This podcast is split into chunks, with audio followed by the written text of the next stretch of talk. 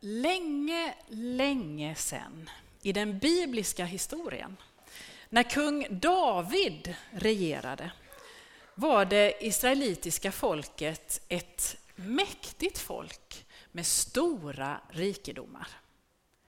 Kung David hade byggt upp ett litet rike med styrka och välfärd. När David blev gammal blev det en blodig strid om tronen mellan Davids söner. De kunde inte hålla sams och bestämma vem som skulle ta över. David själv ville att sonen Salomo skulle ta över och bli kung. Och när David en dag lät det bli så satte sig Salomo på en åsna och red på den in i staden Jerusalem för att folket skulle ta emot honom där. Under flöjtspel och jubelrop så starka så marken skakade red Salomo in i staden. Den nye kungen hade kommit. Under Salomos tid blev riket ännu mäktigare. Men efter Salomo så kom splittringen och oron in i landet. Och riket delades och föll så småningom under främmande makter som under tvång flyttade stora delar av befolkningen till Babylonien. Efter 50 år i fångenskap så fick folket tillåtelse att återvända och prästen Sakarja var en av dem som återvände med det viktiga uppdraget att återuppbygga templet.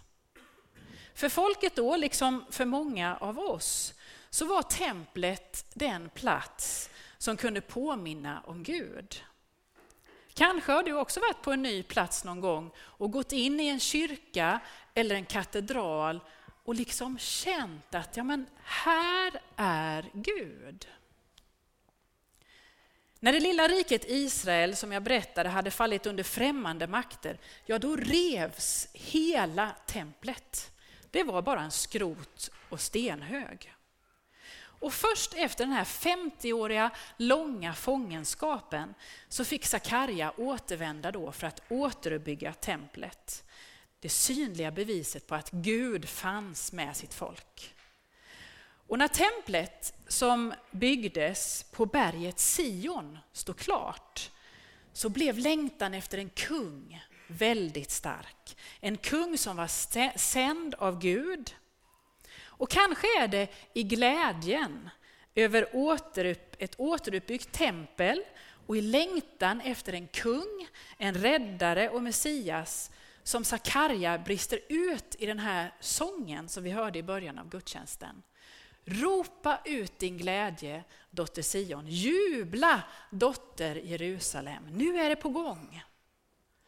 Folket som bodde på en plats kallade man för den platsens döttrar. Och kanske längtade man efter en kung som Salomo, som i vishet skulle leda landet i, i välstånd och rikedom. Jesus hade levt med de här berättelserna ur historien i hela sitt liv.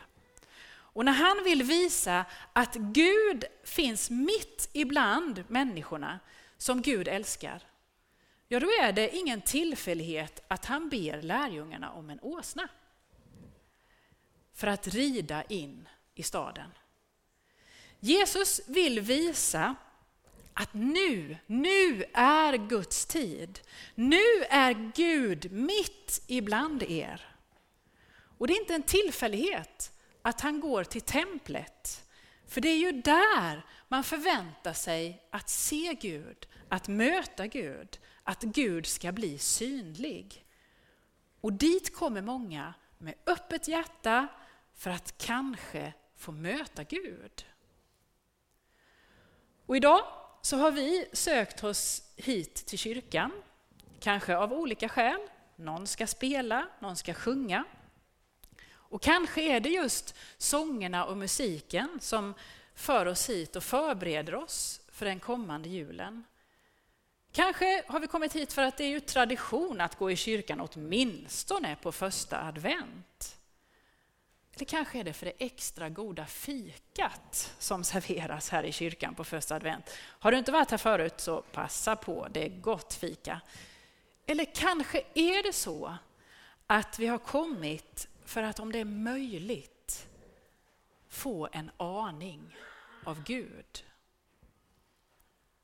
Men hur har då de här uråldriga berättelserna med oss att göra?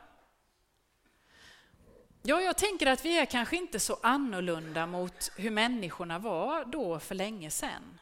Jo visst, vi har mobiltelefoner och vi åker runt i bilar och flygplan och så.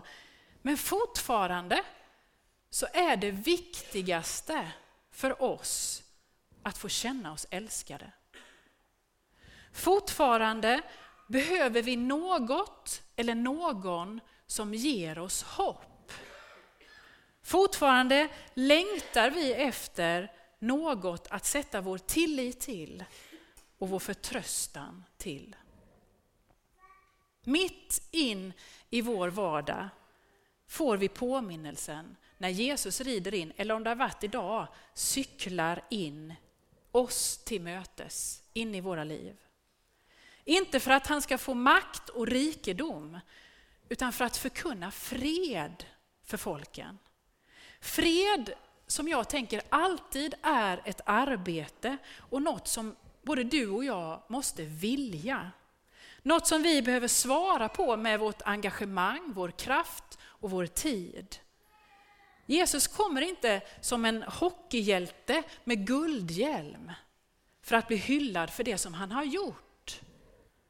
Utan just för att utmana dig och mig att ta vår djupaste längtan på allvar.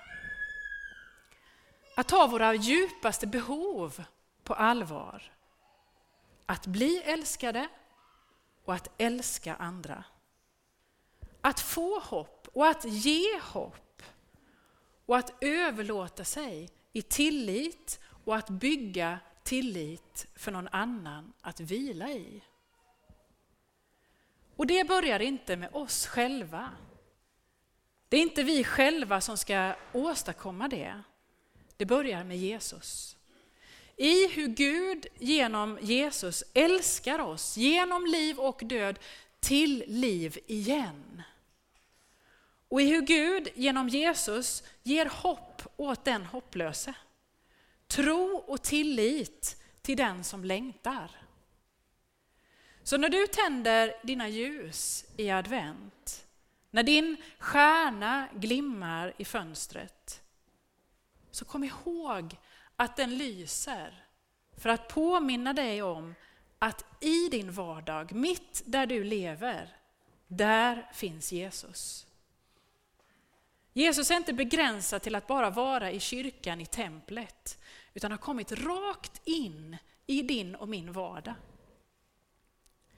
Be om gåvan att få upptäcka hur han gång på gång, igen och igen, visar sig i det enkla faktiskt, i det vardagliga. I tro, hopp och kärlek varje dag.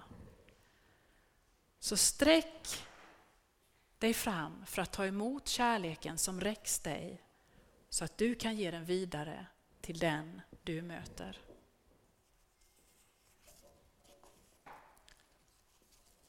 Amen.